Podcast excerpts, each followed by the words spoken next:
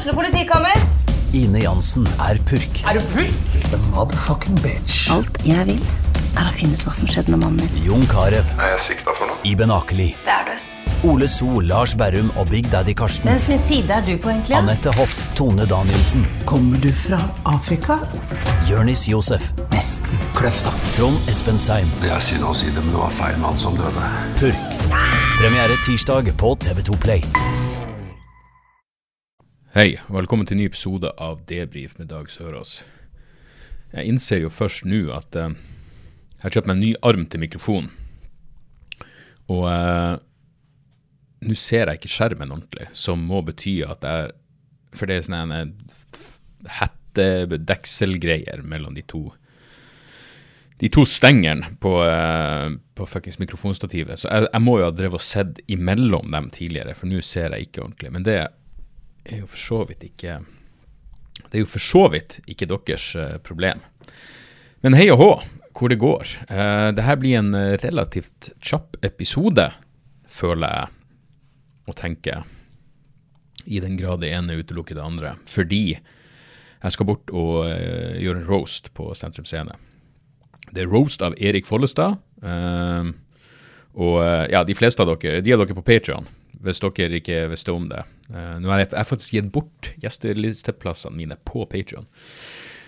Så uh, dere får jo denne podkasten på torsdag, og resten av dere, ja, for dere så er det fredag, og roasten er over, så vi får håpe det gikk greit. Eh, for resten av dere så er jeg på vei til eh, Grimstad og eh, Kristiansand denne helga for å gjøre for å gjøre testshow. Årets første, og innspurten før premiera. Skal på Bluebox på Grimstad um, i morgen, i dag, fredag, den uh, 20. Der vil jeg tro det er masse billetter igjen, for de driver i hvert fall og deler Instagram-kontoen deres driver i hvert fall og deler um, driver i hvert fall og deler jævlig mye at jeg kommer, og det lover jo sjelden bra. Eh, Kristiansand derimot tror jeg er så godt som eh, utsolgt, og det lover jo bra. Jeg liker begge de, altså den, både den scenen i Grimstad og den i Kristiansand, Bluebox og Østsida. De er vel ei styrt av de samme folkene. Men begge scenene er helt eh, nydelige, og særlig Østsida er jo en sånn favorittplass for meg å komme og, og teste ut ting for å se hvordan man er for å se hvordan man ligger an. Så det blir gøy. Og så er jo i tillegg Espen Abrahamsen med komikometen Espen Abrahamsen, som, eh, som gjør det jævlig bra for tida og, og står overalt. Og eh, det er jo en, eh, en, en fryd å se. Og så starter selvsagt turneen min neste måned, eh, 17.2. i Tromsø. Så, og, så, og så tar vi det derifra. Oslo er nesten utsolgt, så det er jo digg. Det er også på Sentrum Scene, der Rosen er i kveld. Skråstrek i går. Så eh, Svalbard er i boks. Jeg kommer snart med datoen og billetter og alt det der opplegget. Så, så ja, det, det, ting skjer. Det begynner å skje noe etter å ha vært jævlig daff.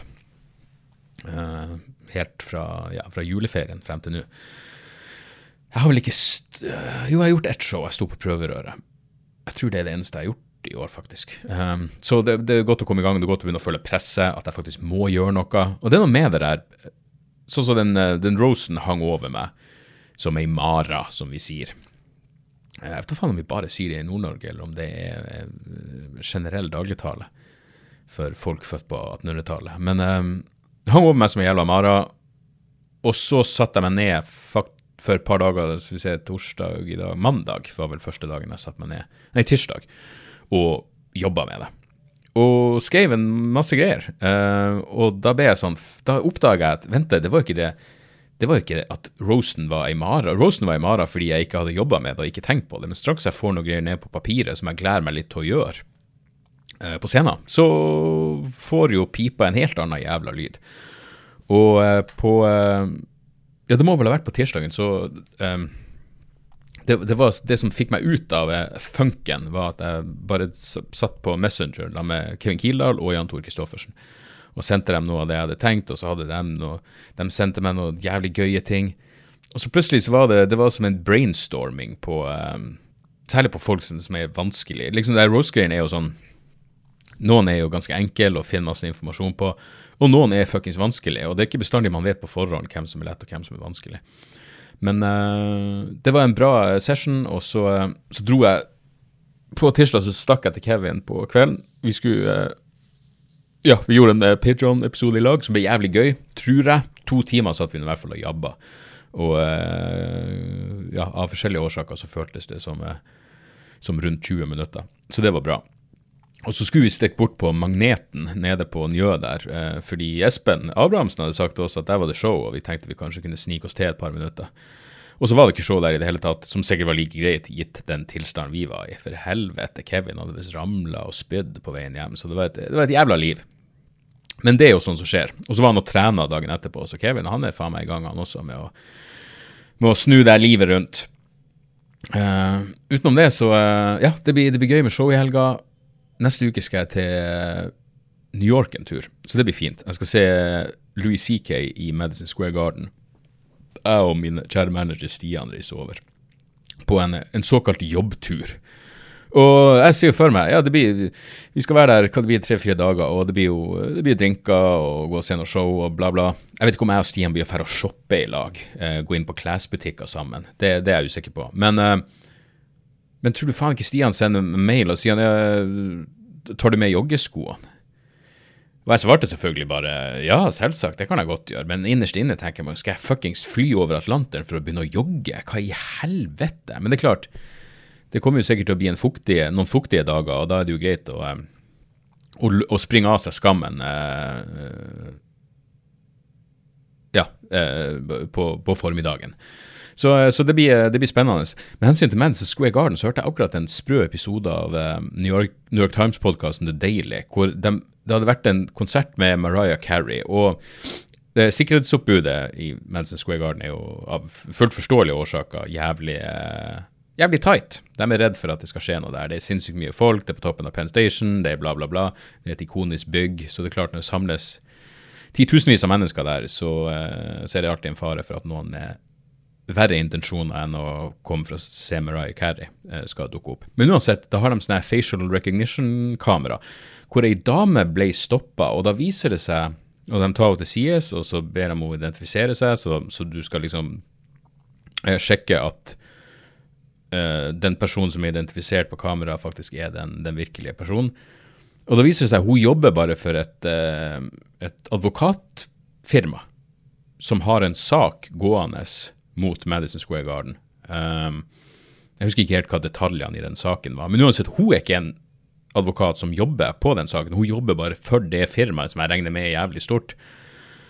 Uh, og deres argument er at uh, ja, nei, men altså, hun kan jo komme der for å samle bevis og bla, bla. Det er ganske jævla drøyt. Jeg mener man, man blir jo bare, Det blir jo bare større og større fallitterklæring i forhold liksom på hva slags prinsipielle innvendinger man måtte ha, forsvinner jo bare mer og mer uh, i, forhold til, i forhold til overvåkning. Og det er jo absolutt en, en, type plass hvor jeg skjønner at ja, her vil du ha best mulig sikkerhet. Men satan, det er drøyt å skal nekte noen å gå og se en konsert på fritida fordi du jobber for noen som er i en juridisk disputt med fuckings eh, Men han er Han som driver Madison Square Garden, er tydeligvis en, eh, en hissigpropp av dimensjoner. Så han, han sto bare på sitt. Så nå blir vel Madison Square Garden i tillegg da saksøkt av det her advokatfirmaet. Og, eh, og lykke til med den, for jeg kan ikke helt skjønne Men det er klart, det er det som er ganske interessant med juss. Sånn jeg leste en, en, artikkel i dag om han er avhopperen fra Russland som, er, som uh, har kommet seg over til Norge. Og da var det altså to Hun ene var vel der Hva er det hun heter? Cecilie Hellestveit. Uh, for jeg husker ikke nøyaktig hva hennes medlem av Etikkrådet Oljefondet Ja, det her er jo interessant. For, jeg tror det var hun. Fordi det kommer opp Altså, hun var hun er folkerettsekspert. Um, og det kommer opp en artikkel, bare overskrifta fra oktober 2022. Cecilie Hellestveit forvirrer, forvirrer fortsatt om folkeretten. Fordi det, denne saken handler om det samme. Det, um, det handler om uh, Hun mener at uh, han er fyren fra Wagner-gruppa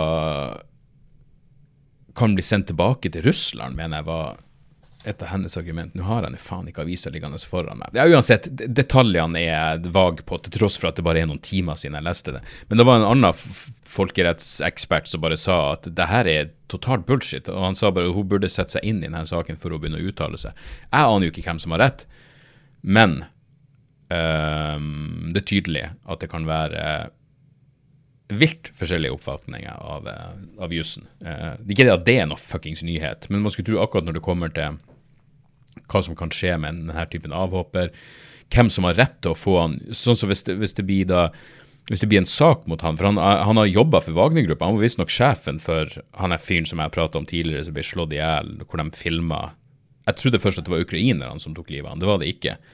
Han ble fanga av ukrainerne, så kom han tilbake til, til Wagner-gruppa, og så myrda de han. Eh, og filma det, selvfølgelig. Det må man jo gjøre. Man må jo forevige gode minner her. Uh, men uansett, denne fyren, etter jeg har forstått, var sjefen for den gruppa, som betyr at satan i helvete, denne fyren har nok eh, uh, meget så mye blod og grimme ugjerning. Jeg vil tro når han lukker igjen øynene for å legge seg på kvelden, så kan det dukke opp en del ubehagelige minner. Men poenget er og liksom intuitivt for en som ikke har den fjerneste anelse om, om jussen her, så virker det jo helt logisk at hvis han skal utleveres til noen for krigsforbrytelser, så må han jo utleveres til Ukraina. Det er jo der han har begått krigsforbrytelser, ikke Russland. Eh, og så er det selvfølgelig spørsmålet om kan du en gang sende han tilbake til Russland, fordi du jo, du kan ikke sende noen til et land hvor du risikerer at de blir torturert. Her var jo det styret som var med fuckings mulla Krekar år ut og år inn. Så eh, jeg vet da faen. Jeg er det er egentlig jævlig interessant. Jeg, jeg vil prate om det før, men altså, jeg, jeg, skjønner det der argumentet om at, uh, som Doug Stanhope bruker, at hvis ikke han var eh, Hvordan er det han sier? Hvis ikke han var komiker, så ville han vært forsvarsadvokat. Men jeg skjønner den der ideen om at det er noe likhet mellom juss og, standup, i hvert fall hvis du har en, sånn en standup-stil hvor, hvor, du skal komme med meninger og argumentere for ting. Eh, fordi det er jo åpenbart eh, mye av det samme som foregår. Jeg tror det er derfor jeg elsker denne Knowledge Fight-podkasten. Eh, det, det, var en fyr som sendte meg ei melding en eller annen plass, og så han lurte, han lurte på hvorfor jeg bruker så mye tid på hva han kalte, Jeg tror han kalte det giftige podkaster. Hvorfor jeg brukte masse tid på å høre ting jeg vet er bullshit. Og så sa jeg hvordan, hvordan podkaster hører jeg på som jeg vet er bullshit? Og da sa han du nevner Infowars hele tida. Jeg hører ikke på Infowars. Jeg hører ikke på Alex Jones. Jeg vet ikke engang hvor jeg finner Infowars. Jeg tror du må Det, det er noe kjøpe hvordan en del av dark, the dark net Alex Jones befinner seg på nå. Um, jeg tror du må, du må, Jeg abonnerer ikke på noe fuckings Infowars-tjenester. Um, så uansett poenget, jeg hører på Knowledge Fight. Og jeg har hørt time ut og time inn eh, fra liksom deres jævla eh, eh, Så nå får jeg flashback av at jeg ikke at jeg har brukt ordet før og ikke klar Avsetning, er det virkelig det rette ordet på over, oversettelsen av deposition? Avsetning, det hørtes så uh, Deposition Fordi det er jo ikke deposit. Deposition er jo avlevering, avsetning. Deposisjon. Ja, uansett. Vitnemål. Eh, vitnemål før, før rettssaken setter i gang. Og det som har vært jævlig interessant, det er all slags folk som er involvert med Alex Jones sin eh, horrible operasjon. Men det som er interessant med det, er jo akkurat det der. Det er derfor du kan lage en bra film som kun foregår i en rettssak. Fordi det er noe interessant med den frem og tilbake. Jeg mener, Og rettssaksscenen er jo ofte det mest klassiske. fuckings A Few Good Men og den A Time To Kill. og Uh, ja, kan jeg det? Jeg vet da faen. Det er vel sikkert mange. Jeg, jeg glemmer garantert noen åpenbare. Men rettssaksscene og filmer Den ene med han uh, Sasha Baron Cohen om det ene Det var en net, en Netflix-film om en interessant sak. Uh, ja, det, det, er masse forskjellig. Det, det er noe interessant med rettssaker. Det, det, er noe interessant med den fuckings hva, hva, skal, man kalle det engang? Det er jo en slags intellektuell sparring på et eller annet vis. Og det som er gøy med det, de gode advokatene når de er så jævlig altså Når de tar de Alex Jones-lakeiene, så er de så jævlig sarkastiske og nedlatende noen ganger at det er en fuckings fryd å høre på.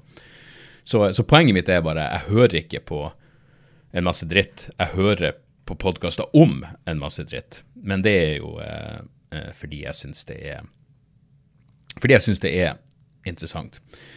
Og mens vi er inne på dritt, så må jeg si eh, Jeg hadde en annen uh, frem og tilbake nå. Jeg, jeg, jeg, er jo veld, jeg er blitt sykt mye bedre til å unngå til å unngå eh, debatter på sosiale medier. Jeg husker ikke sist gang jeg hadde noe, noe frem og tilbake på Twitter og, og Facebook-kommentarer.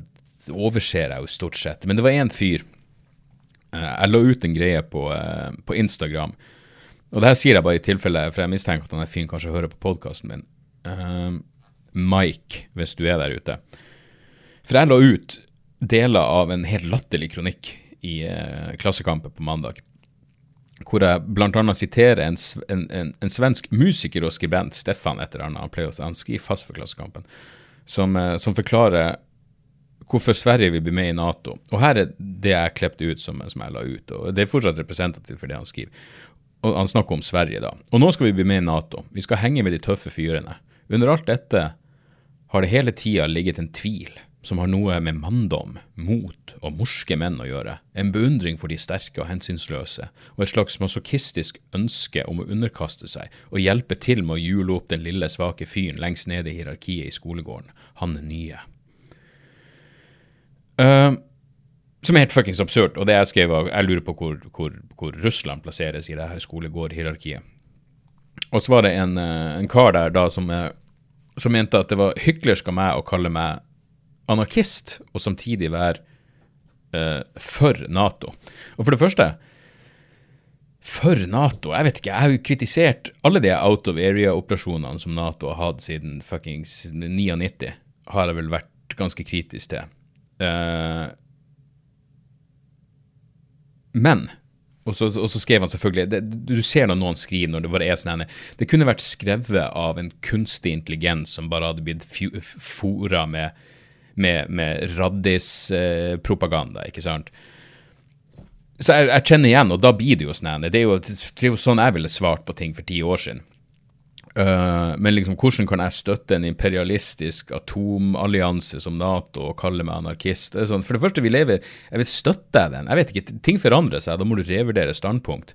Uh, uh, jeg har ikke noe per definisjon noe forsvar med en idé om en forsvarsallianse. Og da må jeg jo spørre Mike der ute om han ville vært mot den nordiske forsvarsalliansen som den norske venstresida hele tida har, har argumentert for. Eh, det er ikke noe galt per definisjon med en forsvarsallianse. Eh, men nå har det seg nå sånn at det er storkrig i Europa. Og hvis du sliter med å velge side, hvis du ikke helt vet hvem du skal heie på i Ukraina-konflikten, så er du ideologisk blind og moralsk forkvakla til et nivå hvor jeg har vanskelig for å forholde meg til det du sier. Og det jeg skrev til han var også OK, så anarkisme, da. Uh, for det første, jeg tar det som et filosofisk utgangspunkt. Ideen om at uh, alle former for autoritet og hierarki er illegitime, så fremst de ikke kan rettferdiggjøre sin egen eksistens. Og i noen tilfeller kan de det. Men som jeg måtte skrive til denne karen Ok, så jeg og han, vi, vi må gjerne ha en diskusjon om, om, om uh, en slags utopisk fremtidsvisjon. Hvordan vi ville verden skulle sett ut hvis, hvis vi bare kunne droppe noe jævla magisk støv over det hele, og så ble det akkurat sånn som vi vil ha det. Jeg ville, jeg ville mest sannsynlig eh, da gått inn for at staten ikke skal eksistere som, eh, som institusjon. Det betyr ikke at jeg ville fjerna staten umiddelbart nå, hvis jeg kunne, fordi det ville fått horrible konsekvenser. Det må være et slags ideal og langtidsmål eh, som man bare må på mange måter bare håpe at eh, kontinuerlig moralsk fremgang fører til. Men det er det samme med Nato. Nå er det plutselig en imperialistisk angrepskrig i Europa, og Nato er på rettssida i denne konflikten. Dette er ikke tida for å ha debatt om Nato burde eksistere eller ikke, etter mitt syn. Den debatten kan vi absolutt ta etterpå. Jeg har egentlig aldri forstått hvorfor ikke Nato ble fjerna etter at Sovjetunionen kollapsa. Uh, så, så, det er ikke det det skal stå på. Og jeg har vært fuckings like kritisk til alt fra uh, Nato-styrke i Afghanistan, som er særlig fuckings bombing av Libya. Så det er virkelig ikke det det står på her. Men det der han skal sitte i, et slags utopisk luftslott å bedømme denne situasjonen. Og det er ikke gidder, Jeg gidder ikke å ta sånne debatter videre etter et visst punkt. Det er sånn, det er bortkasta tid. Uh, og jeg lurer jo på hva han egentlig mener om konflikten. Om, om han, uh, det skulle virkelig ikke overraske meg om han drar den linja om at det her er NATO sin feil. Um, at, altså, at, at, den russiske invasjonen er, er NATO sin feil. Men det er jo sånn som jeg, jeg, Nå har ikke jeg sett debatten. Jeg hørte at uh, det, jeg lurer på hva er Joakim, han eh, langhåra nordlendingen i rødt, som eh, vel hadde ikke gjort verdens beste figur. Jeg, er ikke 100 sikker. Joakim heter han. Uansett hvem det var fra Rødt som var på debatten, så førte det til debatt i ettertid. Eller eh, fuckings nedsabling av eh, ganske virkelighetsfjerne eh, argument. Men jeg så debatten som var i regi av Klassekampen på Dattera til Hagen i går, om Nei, om, om Norge bør gi våpen til Ukraina. Og det er liksom en sånn jeg mener, Hvis du klarer å ta det standpunktet For det første, uh, som vel han ene karen fra Rødt, faktisk, som, uh, som var pro uh, å gi våpen til Ukraina, så folk blir bomba der, her og nå. De trenger fuckings våpen. Og igjen, det blir det her, skal vi kan gjerne ha en ak akademisk diskusjon og et slags filosofisk, teoretisk, etisk tankeeksperiment i forhold til ditt eller datt. Men folk blir bomba der fuckings nå barnehager blir bomba. Gi de her folkene muligheten til å forsvare seg. Det, det er faktisk så enkelt. Og, og Rødt sine standpunkt når det er sånn, ja, vi kan gi dem hva enn det er, plaster og hjelmer. Men også penger som de gjerne kan kjøpe våpen med. Så det er ikke som om standpunktet er ingen burde gi dem våpen. Å, for de burde absolutt få våpen, selvfølgelig. Fordi det er vel de færreste av selv de mest rabiate eh, marxist-leninistene som, som, mener at Ukraina ikke har rett til å forsvare seg, dog de er garantert der ute. Uh, men det er et eller annet jævlig feigt når deler argumentet Jo, men altså, vi er jo naboland til Russland, vi kan ikke fuckings risikere Hei, vi er allerede Nato-medlem. Eh, skulle du ønske vi ikke var det nå?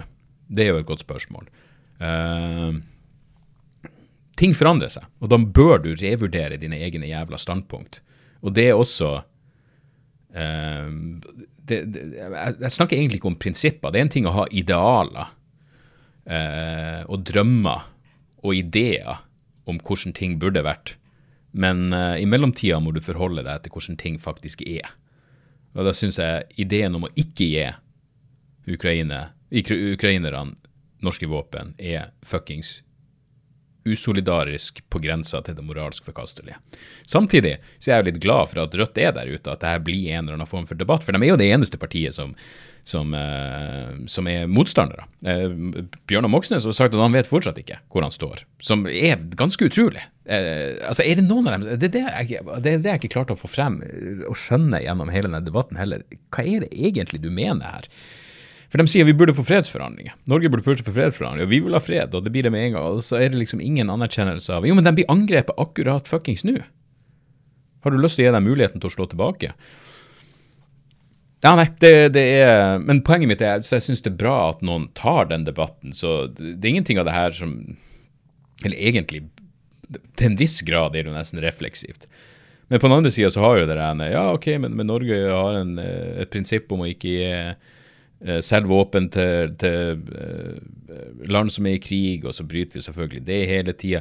Men når du har folk fra Rødt som begynner sånn Ja, men altså, det var Hva med å gi våpen? Hvorfor snakka ingen om å gi våpen til Irak under den amerikanske invasjonen? Liksom, var, det noen som snakka om det? For det første, jeg vet, ingen, jeg vet ikke om det var noe forslag. Uh, og hvordan Hvis du skulle da gi, gi våpen til Irak, hvem skal du gi det til? Skal du gi det til til Baath-regimet? Skal du gi det til jihadistiske opprørere? Skal du finne sekulære?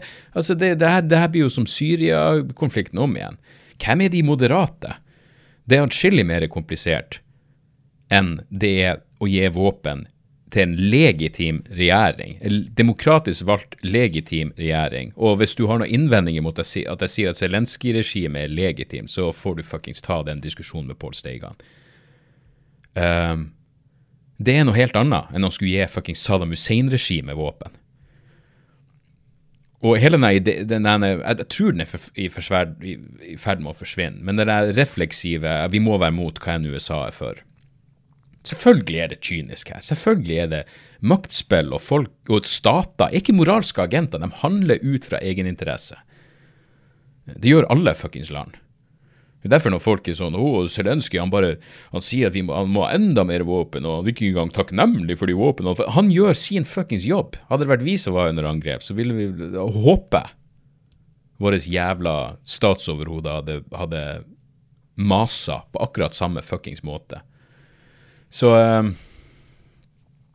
Nei, det, det er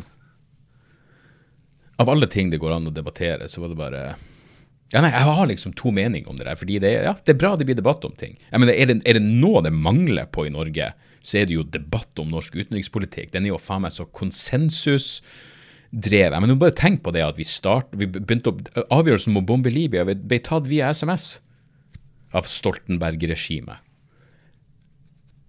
Men det er det evinnelige det, det, det minner meg faktisk om jeg hørte på, på Knowledge Fight, så, så prater de om Alex Jones var intervjua av, Piers Morgan. Jeg mener, snakk om to grusomme dildoer. Ikke like grusomme på noen, som noen fuckings måte, men herregud, Piers Morgan er ulidelig. Men hver gang han begynte å prate om og Alex Jones og det han gjorde med Sandy Hook-foreldrene, og, liksom, og hang dem ut på internett og sa at barna deres aldri hadde eksistert, selv om de ble drept i en skolemassakre, alt det der faenskapet, så begynner bare Alex Jones. Madeline Albright sa det var verdt det å drepe eh, 500 000 irakiske barn. Eh, vi har bomba Det er sånn Ja, hva, hva har det med noe å gjøre? det er noe Av og til det Jeg vet jeg prater om det whataboutism før. At det er sånn Ja, men de gjør det. Jo, men du gjorde det da. Det har av og til en funksjon. Men av og til er det bare en total fuckings avsporing.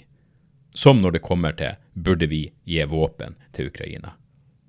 Ja, du kan være kritisk til det Nato gjorde i Serbia, absolutt. Men akkurat nå er det 2023, og boligblokker og barnehager blir fuckings bomba. Burde du gjøre det du kan for å bidra til at de folkene kan forsvare seg? Og en annen ting som jeg bare må si her på slutten, som han kompisen på Instagram poengterte, var uh, uh, slutt med ditt, ditt eurosentriske utgangspunkt. Uh, de fleste land i verden deler ikke Nato sitt synspunkt i denne. Din dumme fuckings kuksuger. For det første, jeg er europeer.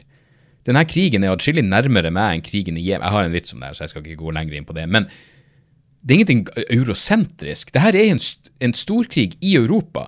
Og det at andre land i Afrika og Midtøsten ikke bryr seg om Nato-linja, det har jo igjen med deres jævla egeninteresse å gjøre. De føler ikke at denne konflikten har noen ting med dem å gjøre, og de vil ikke gå ut mot russerne, fordi da risikerer de eh, mangel på økonomisk hjelp som de får fra Russland. De kan ha handelsavtaler med Russland. Dette er jo fuckings Harald Stanghelle skrevet om i Aftenposten. Får du det mer mainstream enn det? Så åpenbart er det her. Så at de gir totalt faen i Ukraina-konflikten i andre deler av at India ikke bryr seg? Nei, hvorfor skulle de egentlig det? Hvorfor skulle den indiske stat bry seg? Jeg vil tro den gemene inder bryr seg like mye som vi bryr oss om hva som fuckings foregår i Kashmir. Men stater er ikke moralske agenter. De handler ut av egeninteresse. Så, så hvis du er en eller annen fuckings lutfattig fyr i Afrika, som er avhengig av en eller annen handelsavtale med russerne, ja, da har sikkert ikke du lyst til at, eh, at landet ditt skal sette seg opp mot Putin og risikere at din familie sulter av det. Så de her tingene er ikke Ikke gjør det mer fuckings komplisert enn det trenger å være. Men akkurat konflikten er ganske Om at du kan snakke Gudene vet, jeg bruker jo tid på å prøve å Jeg gjør noe mitt for å sette meg inn i det her. Så det er ikke som ting starta. Krigen i Ukraina starta i 2014. Så kan man ha legitime debatter om ditt og datt. Selv om jeg av og til blir litt sånn Det, det er et eller annet som skurrer litt med det her er noe som Chomsky også sier, hvor det er sånn Ansvaret for krigen i Ukraina, angrepet på Ukraina, ligger ene og alene på Vladimir Putin og Russland. Russisk styre. Men vi må se på den komplekse historien som leder opp til det. Ja, absolutt. Men det høres samtidig ut som en dodge. Det høres samtidig ut som du er litt sånn Ja, det er Putin sin feil, men Egentlig så burde man bare si det er Putin sin feil. Uh, med alle konsekvensene det vil få. Jeg vet, Er det bare meg som stusser litt på den, der, den kombinasjonen der? At, at det er akkurat så det er Det høres ut som du prøver å si to ting på, på en gang. Jeg vet da faen, folkens. Jeg vet da faen. Dette blir, dette blir en rambling episode, men det får nå så bare være. Um, ja, men det, det er jo åpenbart noe som bryr meg, og det er et eller annet Jeg vet da faen. Jeg vet ikke. Jeg leste også en greie, noe litt lystigere, eh, men egentlig også ganske deprimerende, om at eh, ungdom tilsynelatende i stor grad foretrekker musikk i høyere hastighet. At, at, de skrur musikken opp til sånn 1,5 eller dobbel hastighet, fordi det, det, det er mer upbeat. Du blir litt gladere av å høre på det. Vet du, sånne her ting Det der skjønner jeg, det er da du merker at du begynner å bli gammel. Liksom at du, at du virkelig er eh, konservativ. Reaksjonær, faktisk, i dette tilfellet. Jeg er reaksjonær fordi jeg vil ha musikk spilt i den hastigheten som artistene som lagde den musikken, vil at den skal være i. Sånn så jeg, jeg får ideen at Netflix Jeg vet, har de en det sto en plass at Netflix har en knapp for å spille raskere. At du kan spille se serier og filmer i raskere hastighet. Det er sånn, La nå bare fuckings være å se det. Skal du sitte og spole deg gjennom 2001 av Space Odyssey? Poenget er jo at det skal gå fuckings sakte. Det var det Kubrick ville. Skal du sitte der og spole Og det er nei for de av dere som måtte tenke det. Det er ikke det samme som at jeg spiller podkaster på 1,3, for der handler det om å få inn informasjon og høre det som blir sagt. Og noen snakker så jævla sakte. Skal jeg høre Gunnar Tjomli eller Sam Harris på vanlig fuckings hastighet. Det, livet er for kort. Jeg skrur opp. Jeg skrur opp til dobbelt, så lenge jeg får med meg ting. Men fuckings musikk Et Et, et, et, et ja, efter faen, K-pop, eller hva faen enn det de speeder opp. Men et eksempel er Lana Del Rey, en eller annen låt av Lana Del Rey. Hvis du skrur den opp, så blir den mye mer lystig. Ja, men det, var, det er jo ikke poenget med fuckings Lana Del Rey at du skal høre på henne for å bli lystig. Hør nå på noe tanketomt jævla poppiss hvis du har lyst til å bli så jævla lystig. Hun lager ikke musikk for at det skal være lystig. Det er jo hele jævla poenget. Og den interessante motsatsen til det her er jo Jeg er ganske sikker på Ghost, eh, bandet Ghost, har en, eh, en, dritbra låt som heter eh, tror den heter Mary on the Cross.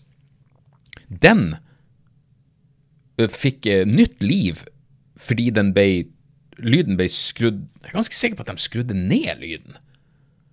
Eh, Slow-versjon Skal vi se Ghost Mary Slow-versjon At det var et eller annet Den var med på, tik, på TikTok Ja.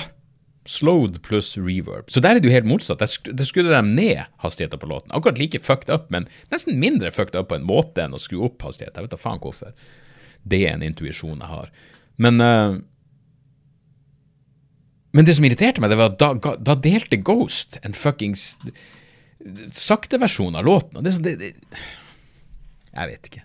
Det er mulig jeg har noe det er mulig det her blir sånn som den ideen, men selv om det er jo en legitim fuckings frykt, men det er at, at, at, folk ikke leser bøker lenger i, i, det store og det hele, at ungdommer faen ikke klarer å konsentrere seg om å lese seks sider.